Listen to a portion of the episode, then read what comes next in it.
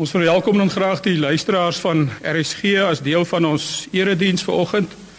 Ons is die oudste gereformeerde kerk in Pretoria waar hierdie gemeente reeds van 1859 begin het.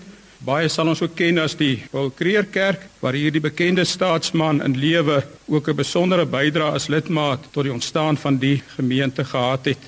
Ons is in die middestad van Pretoria geleë, so aan 'n tree vanaf Kerkplein in Pretoria en is dit dan ook 'n tipiese middestad gemeente met ons lidmate wat van oral oor in Pretoria tot sover as Kreersdorp deel uitmaak van hierdie gemeente.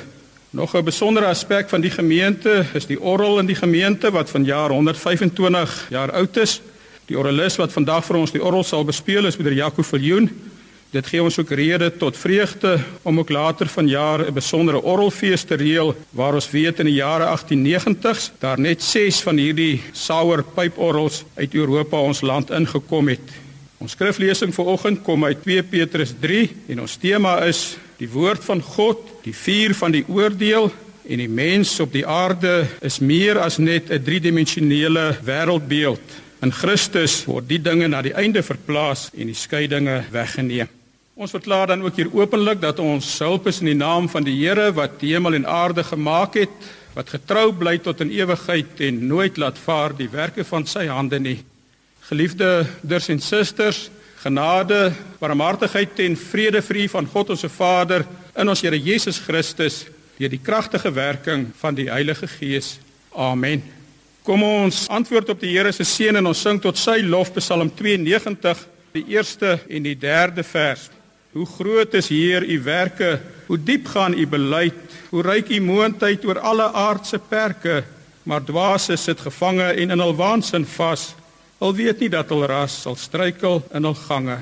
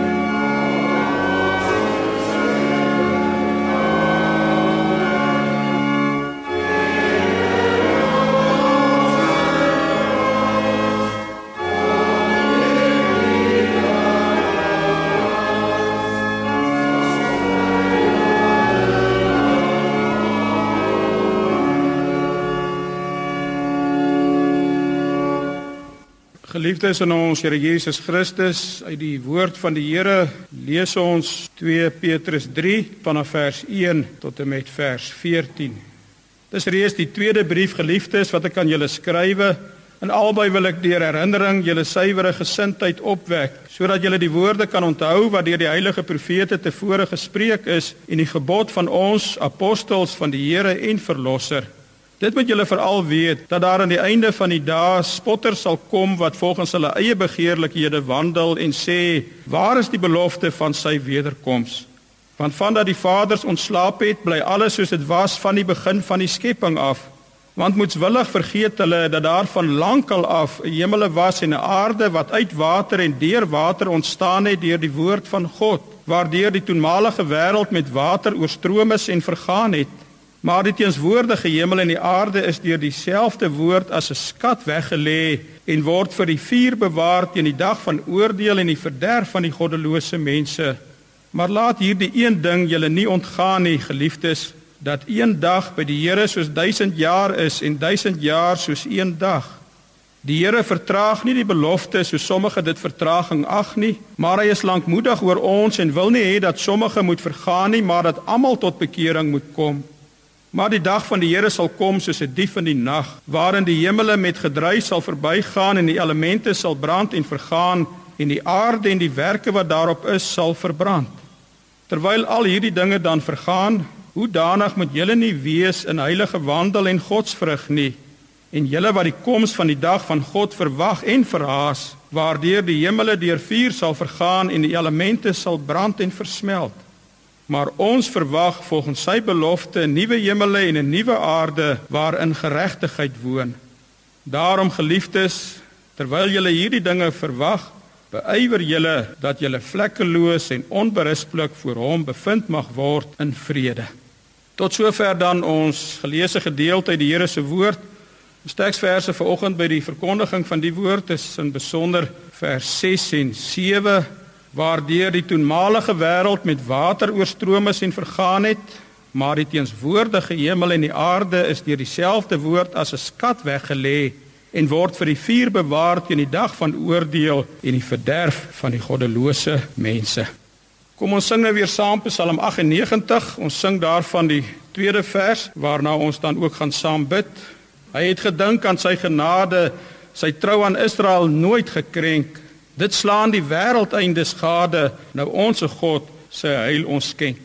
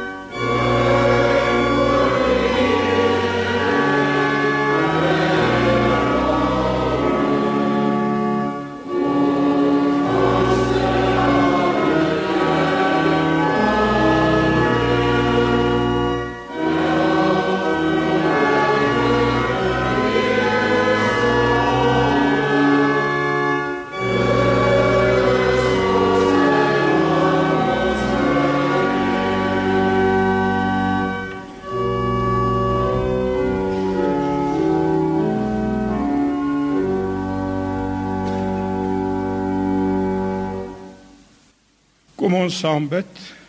Onse Vader wat in die hemel is, ons wil in hierdie oggend ook u groot en heilige naam prys. U wat die troon van genade hier op die aarde ook opgerig het. U is ons sterkte en u is ons verwagting. U verlossingswerk is oneindig groot. Niemand kan ten volle meet die dinge wat u doen nie. Ja, u weg is gans volmaak u woord van al wat smet is vry. U is die een wat ons ken. U ken ons ook in ons angs en in ons ongeloof. Die stryd wat ons ook teen ons eie vlees moet bly stry. Ook ons stryd teen die bose is aan u goed bekend. Ons bid dat u ons van onsself sal verlos. Mag ons in ons Here Jesus Christus voortdurend herinner word dat daar ook by u vergifnis is. Hy wat reeds die oorwinning behaal het. Mag die Heilige Gees ook dan nou ons hore en ons oë oopmaak om die woord reg te hoor om Christus ontwil. Amen. Geliefdes in ons Here Jesus Christus, wêreldwyd is daar 'n diepe besorgdheid oor wat in die skepping en in ons omgewing aan die gang is. Ook as daar ekologies daarna gekyk word. Baie geleerdes toon grondliggend aan dat dit nie goed gaan met die planeet Aarde waarop ons lewe nie. Ons noem maar weer die dinge. Die ozonlaag wat ons teen die gevaarlike strale van die son moet beskerm is besig om al dunner te word. Die aarde word al warmer. Op die pole is die ys besig om al vinniger en meer te smelt. Die watervlakke van die oseane styg. Die mens is inderdaad vanweë sy magsig, sy eersug, sy hebsug, sy genotsug besig om die ganse skepping onder al hoe groter druk te plaas. Die vernietiging van die omgewing en die natuur met die gedagte dat elke mens moet kan eet. Daar moet vir elke mens vars water wees. Sal daar oor 50 jaar voldoende kos en vars water wees vir al die aardbewoners? Dan het ons nog nie eers gepraat oor watter groot vullisprobleem daar op die grond en in die lug plaasvind nie. Die uitbuiting en die besoedeling van die biosfeer, die atmosfeer en die hidrosfeer, so sal die geleerdes ons verduidelik neem skrikwekkend toe. Ons kan moeilik verduidelik die skade en die minagting wat die mens al hier aangerig het. In ons beheersing van die skepping moet ons dit bewakend kan doen. Die woord bewaak of spesifiek dan die woord bewaar kom dwars deur die Bybel voor. Bewaar kom amper 200 maal voor. Bewaak kom amper 50 maal voor.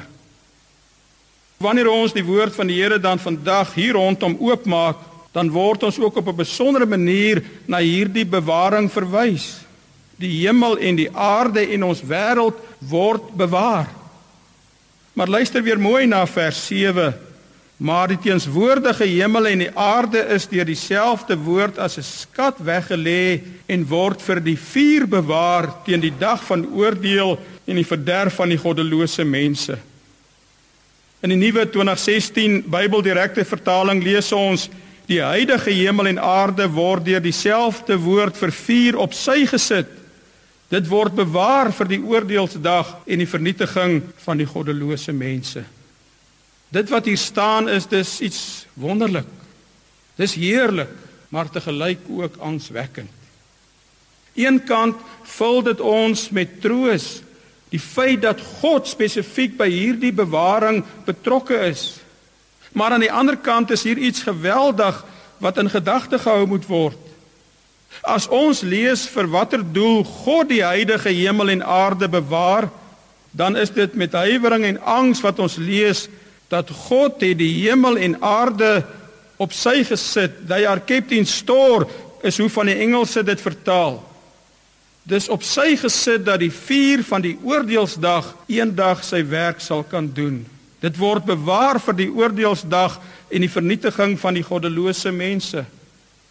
Wanneer ons dus 2 Petrus 3 bietjie weier in sy konteks lees, dan het Petrus al in die vorige hoofstuk gewys op die korrupsie van die valse profete. Petrus doen dit alles op 'n wyse en deur woorde wat lewend is. Dis sterk uitdrukkinge wat hy hier gebruik. Maar ook baie opmerklik in ons geleesde hoofstuk praat Petrus spesifiek met mense naby hom.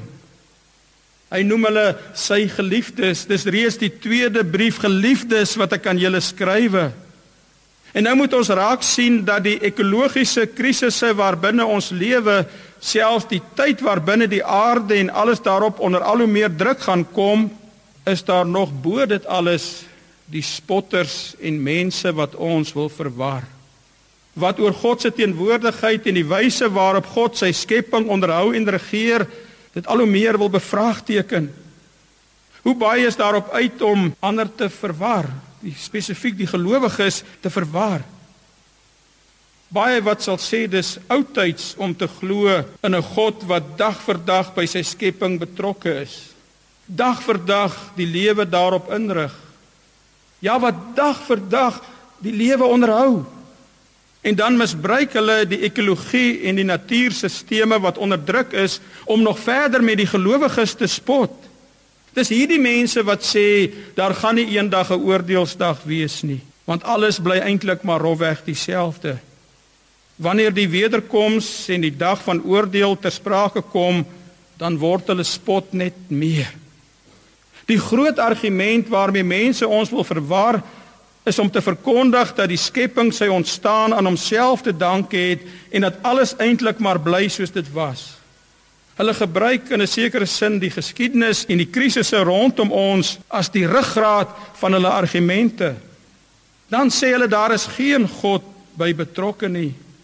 Daar is geen God wat by die skepping inmeng nie. Ja, sal hierdie mense sê, kyk wat rondom jou aangaan, werk met die feite, met die dinge waarmee jy met jou oë rekening kan hou en dan praat ons weer. Soos die verwarring soos 'n kanker wat al dieper en dieper kan invreet. Maar nou sien ons Petrus gaan baie interessante werk. Hy gaan ook terug na die geskiedenis, maar hy vat ons as te ware op 'n reis deur die Ou Testament. Sy geliefdes en die spotters moet saam luister. Hulle wat ongelowig spot met wat God doen, kom maar weer terug na die begin van God se woord. Die eerste bladsye van die Bybel waar die skepping van God juis pertinent ter sprake kom. Hoe het die wêreld ontstaan? Daar was 'n aarde wat uit water en deur water ontstaan het, vers 5 in Petrus. Ons kan dit ook vertaal die aarde was uit die water gevorm en het deur hierdie water ontstaan. Water vorm dus hier die groot saak. Water wat nog altyd so belangrik was. Tot vandag toe is dit nog so. Maar sien ons dat God se woord was van die begin af direk by die water betrokke. Bo die water staan God se woord. Water en die woord wat met mekaar in aanraking kom, is nie maar sommer 'n droog redenasie, iets van 'n stuk toevalligheid wat gebeur het nie. By elke doop bely ons ook baie duidelik die woord en die water se kom by mekaar.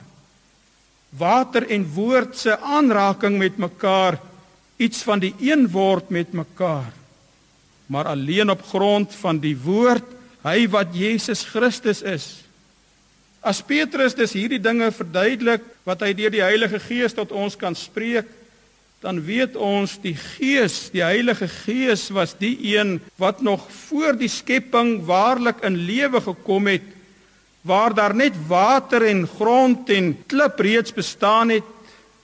Lees ons die Heilige Gees het op die waters, die waters wat alles bedek het, gesweef. Genesis 1 vers 2. Die water bedek alles op die grond, maar bo die water is weer God deur sy Heilige Gees wat alles bedek.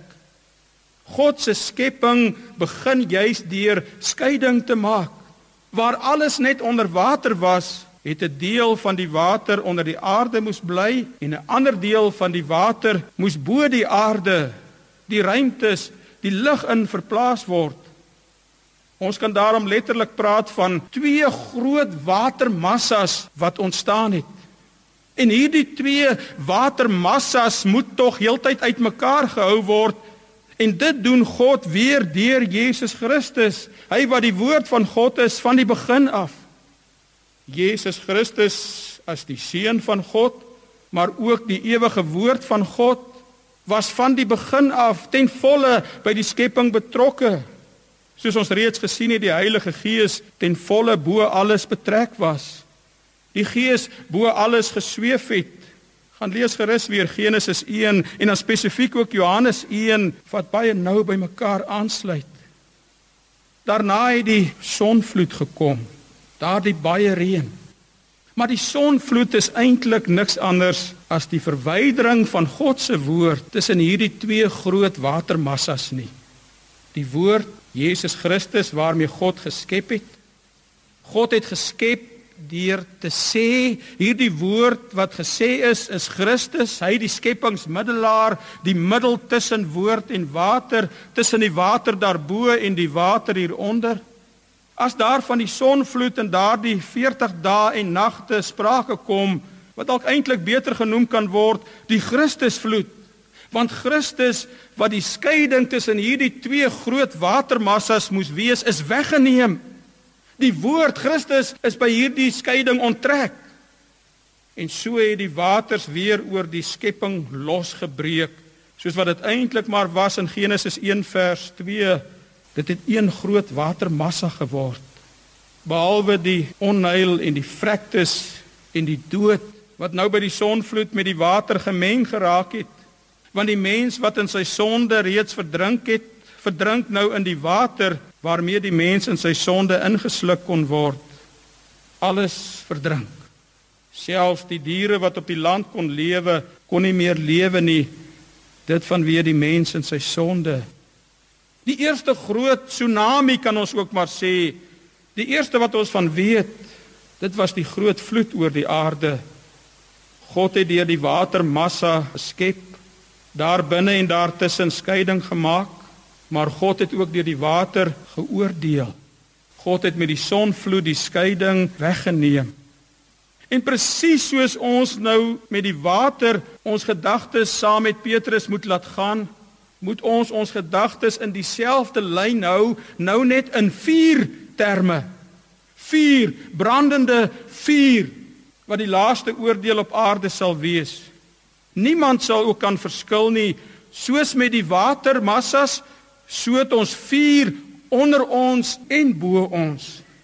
Die aarde onder ons Die binnekant die aarde is eintlik een groot vuurbal wat soms soos uit klein venstertjies ons herinner aan die vuur onder ons as die berge vuur begin uitspuit. Lava strome met die verskriklikste van hitte en alles daarmee saam op die aardkors begin afstroom. Vuur wat verskriklike dinge kan doen. Ons het onlangs in Nysna gesien as vuur sy krag begin toon. Dit wat ons in Genesis 19 lees, herinner ons nie net aan vuur wat uit die hemel gekom het nie, maar kan ons aanvaar daar ook 'n groot aardbewing was wat by Sodom en Gomorra swaaldamp uit die aarde vrygestel het. Die gasse van hierdie verskriklike vure hier binne die aarde is nie iets om mee te speel nie.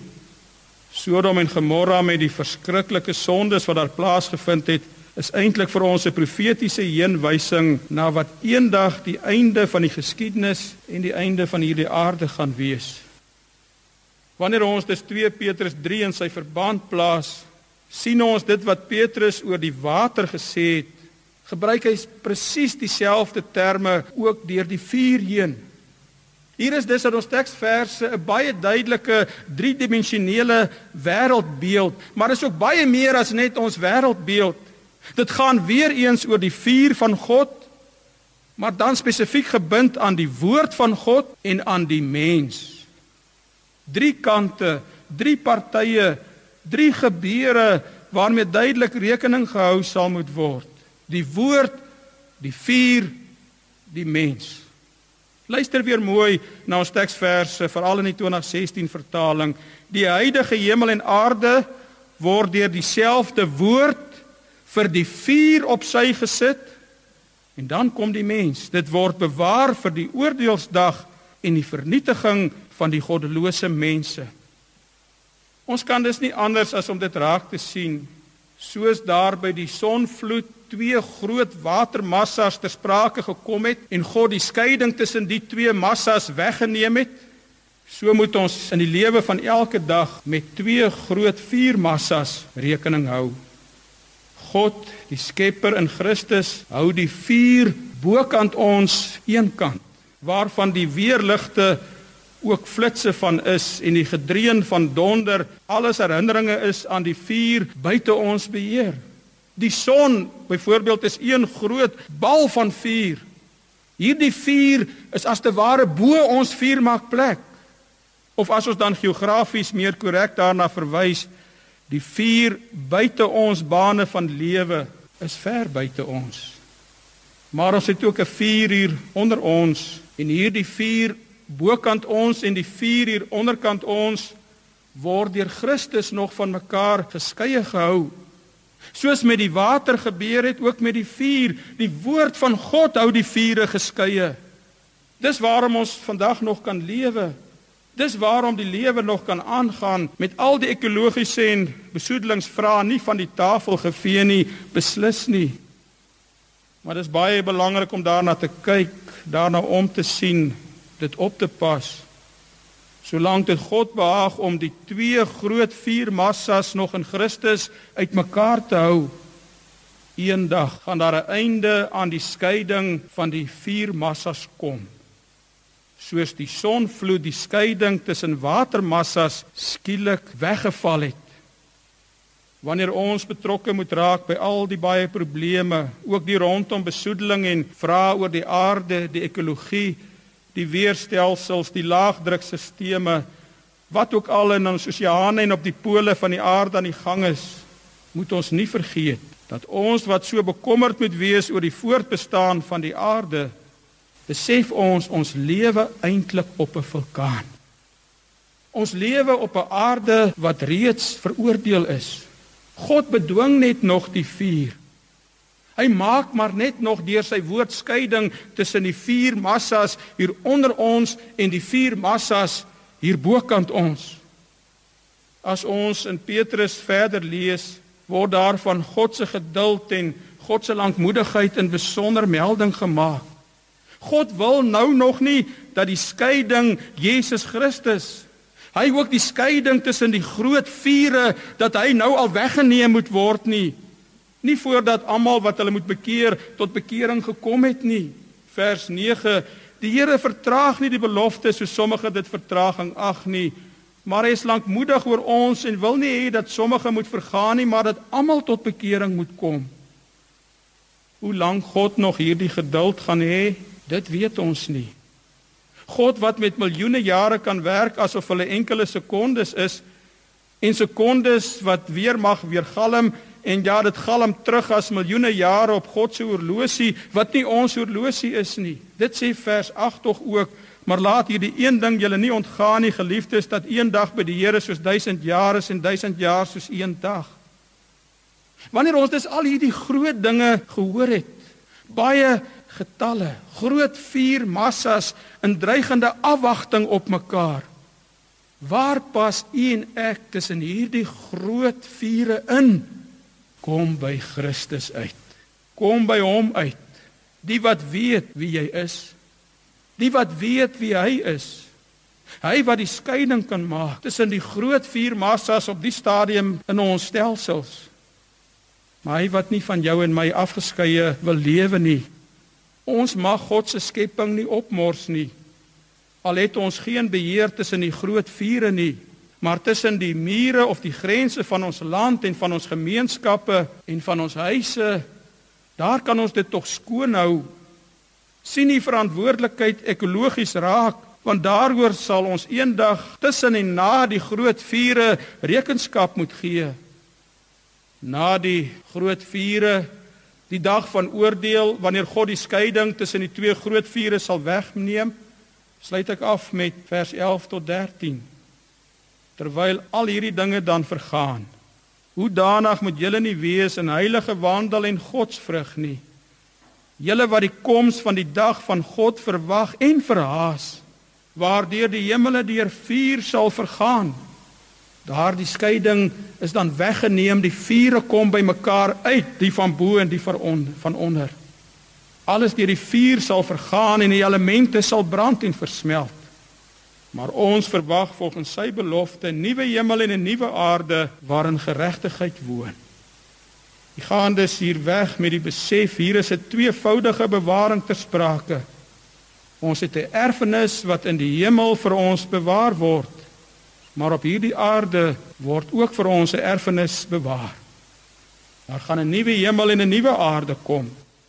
Kyk daarom na jou lewenswandel, jou gedrag, jou gesondheid elke dag. Sien werklik uit na die nuwe hemel en die nuwe aarde wat gaan kom. Ons moet daarna verlang dat Christus gou mag kom. Ons moet toeneem in die genade en kennis van ons Here Jesus Christus. sien raak wat God in Christus op hierdie oomblikke vir ons doen. Hy hou nog die groot vure uitmekaar uit. Ons dra nie die verantwoordelikheid om die groot vure uitmekaar te hou nie. Dit doen God. Maar sien wel raak wat jou verantwoordelikheid is in jou gesin en jou huwelik, by die skole, in jou gemeenskap, by jou strate en jou dorpe, die plase, ja, erosieslote en stikkende uitlaatpype wat ons tog maar gerus moet kan heel maak. Maak die aarde minder stikkend. Die aarde is nie ons moeder nie, maar ons moet daarna omsien. Die kerk hier op aarde word ons moeder genoem. Maar die kerk en die aarde wat ons nou ken is maar net tydelik. Dit sal so aangaan tot die ewige heerskappy van God aanbreek en hierdie aarde nie meer sal wees nie. Het Johannes in Openbaring gesien daar ook geen kerk meer sal wees nie. Want God is sy kerk en die lam is haar tempel. Amen. Kom laat ons dank. Onse Vader wat in die hemel is, ons dank U dat U die een is wat nog skeiding maak. Skeiding deur Christus, hy die woord om die vuur hier bokant ons, die son en al die vuur wat daar ter sprake kan kom, bokant te hou en die vuur hier onderkant ons, ja die vulkaan waarop ons eintlik maar woon. Hierdie twee vure waar tussen ons is, word nog van mekaar geskeie gehou. Mag ons weet dat ons in Christus nog in geskeie tye leef. Hy wat die skeiding maak tussen die vure, maar hy wat wil hê dat ons nie van hom afgeskeie moet lewe nie. Mag ons juis al nader aan hom kom. In sy naam alleen bid ons dit. Amen. Gemeente, kom ons sing net in slotte weer uit Psalm 98. Ons sing nou daarvan die eerste en die vierde vers. Sing nuwe lof aan God die Here, die God wat wonders het gedaan. Sy regterhand vol sterkte en ere, sy heilige arm bring redding aan. Dan ook vers 4 laat al die strome, ons kan dink aan waterstrome en vuurstrome, laat al die strome nou die hande in jubel saamklap van hom laag.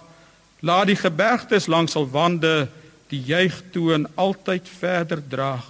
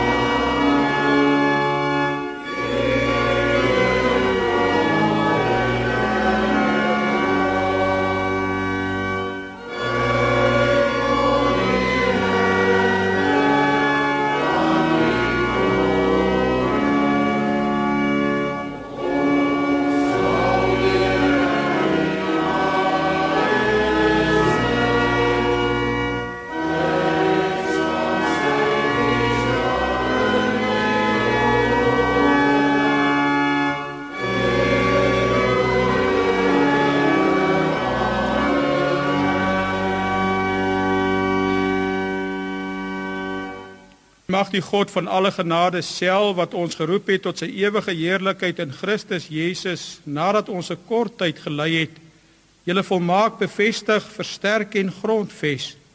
Aan hom die heerlikheid en die krag tot in alle ewigheid. Amen.